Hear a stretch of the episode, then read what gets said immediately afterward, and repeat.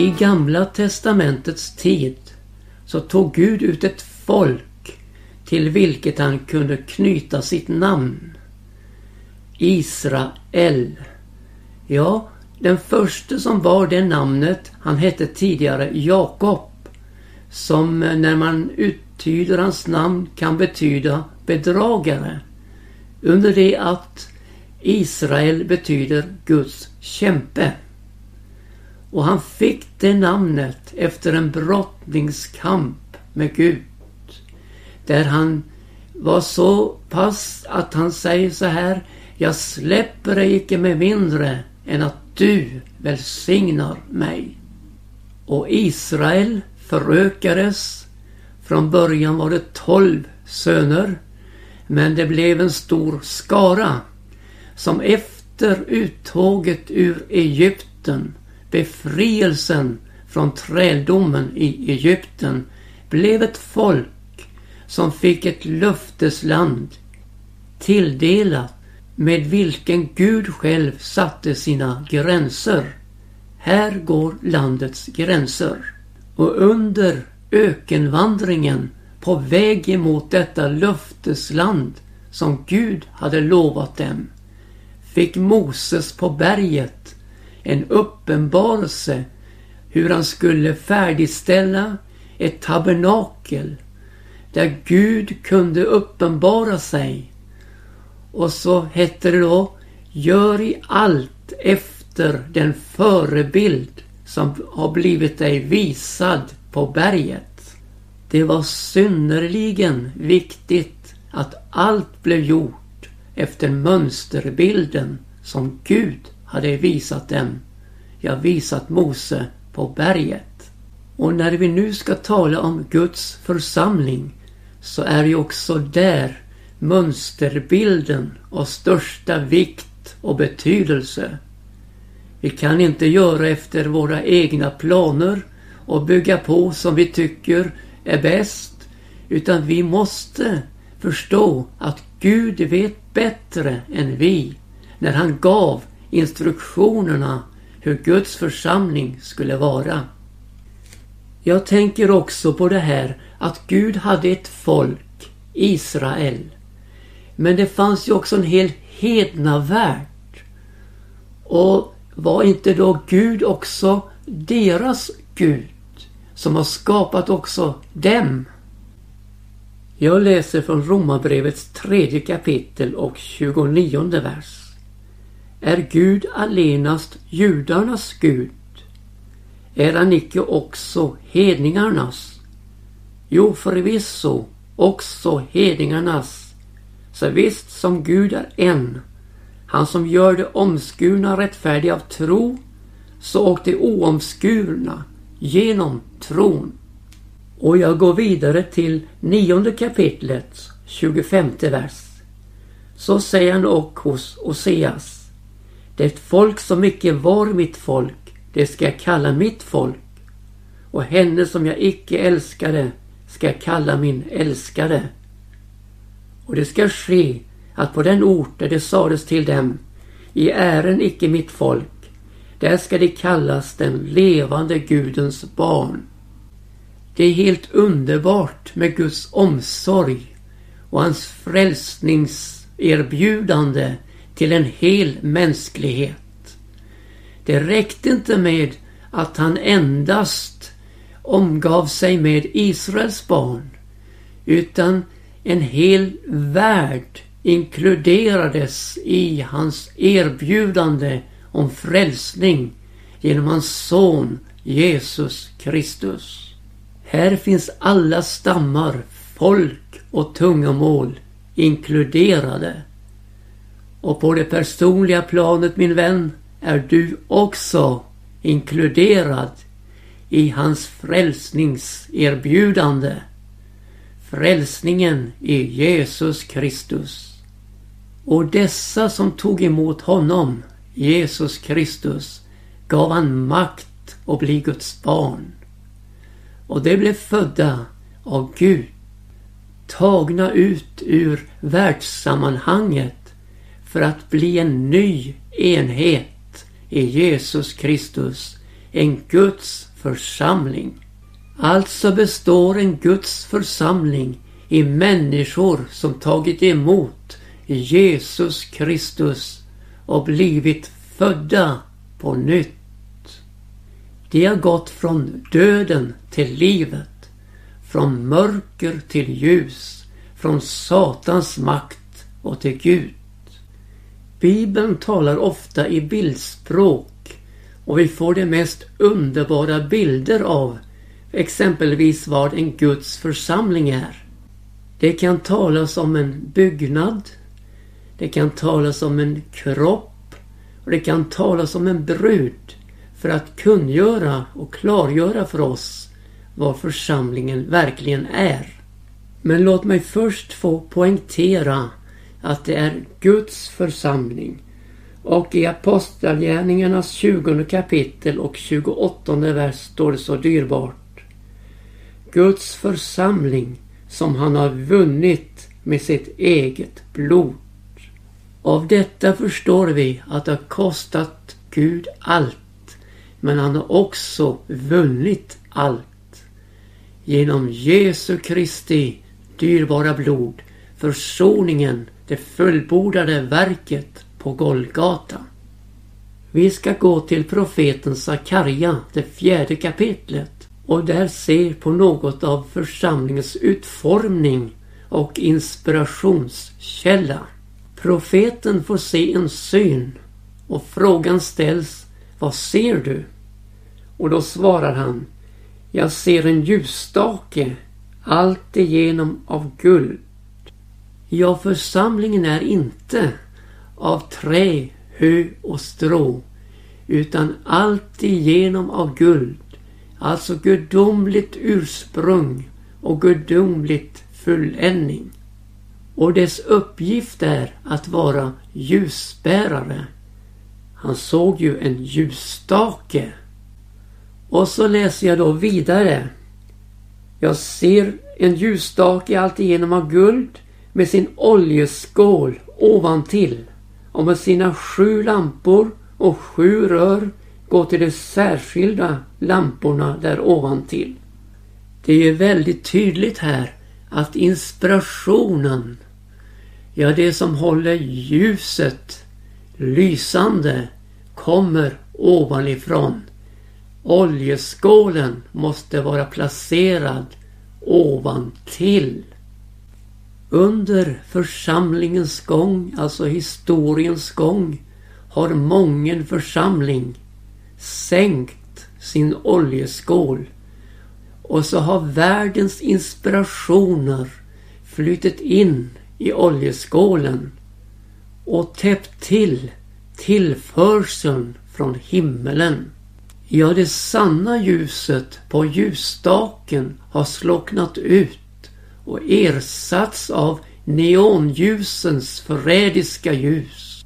Där tidsandan har fått bestämma ljusstyrkan och färgsättningen i det förrädiska ljuset från denna världens inspirationer. Så här behöver oljeskålen renas och lyftas för att församlingen ska återfå sin gudomliga styrka och karaktär. Och lite längre ner i texten möter oss det så viktiga som vill understryka med den kraftigaste linje. Jag läser från den sjätte versen. Då talaren och sa till mig Detta är Herrens ord till Zerubabel. Icke genom någon människas styrka eller kraft ska det ske utan genom min ande säger Herren Sebaot. Vilket du än må vara, du stora berg som reser dig mot Zerubabel, så skall du ändå förvandlas till jämn mark. Ty han skall få föra fram slutstenen under jubelrop. Nåd, nåd må vila över den. Församlingen har sin kamp här i tiden.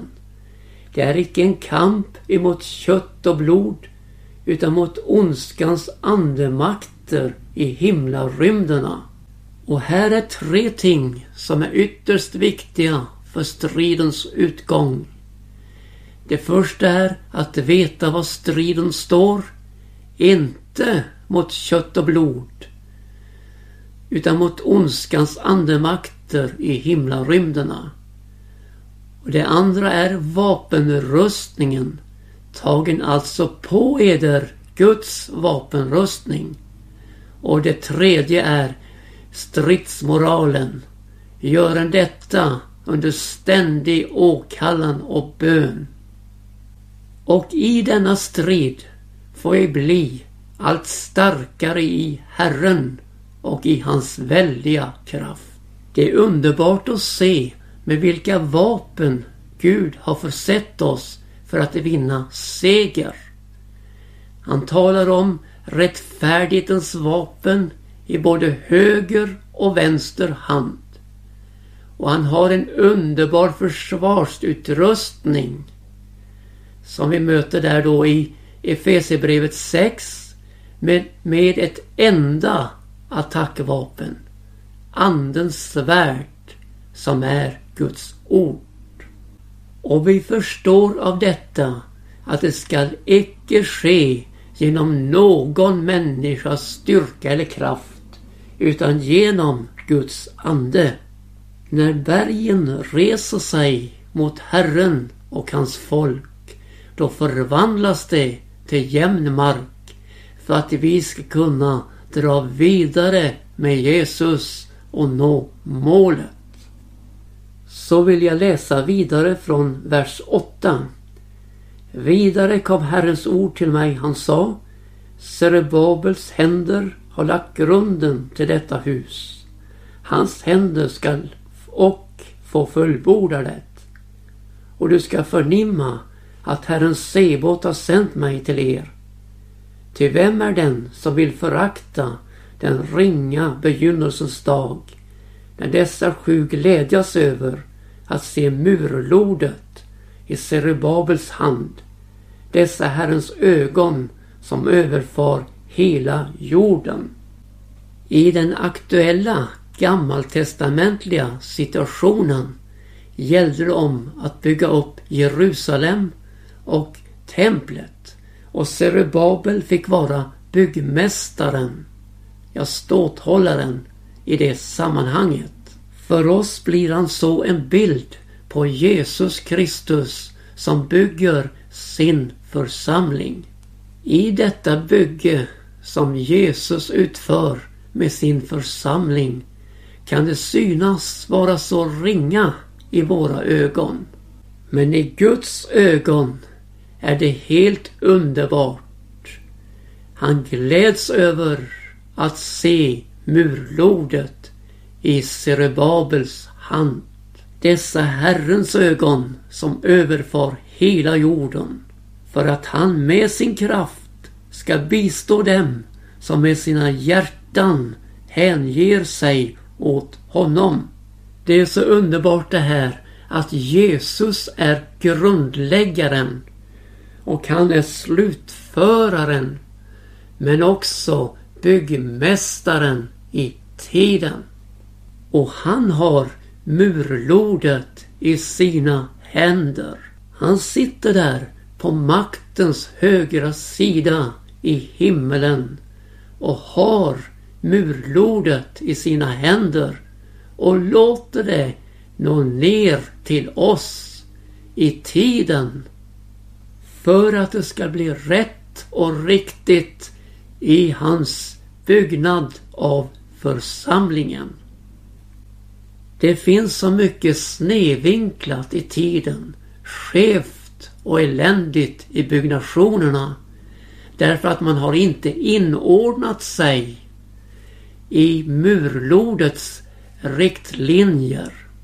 Och dessa byggnationer kan ju inte bestå och fullkomnas i den eviga världen. Nej, där gäller bara det byggnation, det bygge som Gud utför genom sin son Jesus Kristus. Vad säger skriften? Om Gud icke bygger huset så arbetar det fåfängt som bygga därpå. Och vidare, var planta som en himmelske fader icke har planterat ska ryckas upp med rötterna, sa Jesus. Ja, mycket kommer att försvinna och destrueras medan Guds ord och Guds församling består. Låt mig därför få framhålla hur viktigt det är att bygga rätvinkligt efter Guds ord. Ja, efter som murlodet visar det murlod som hålls av Jesu hand.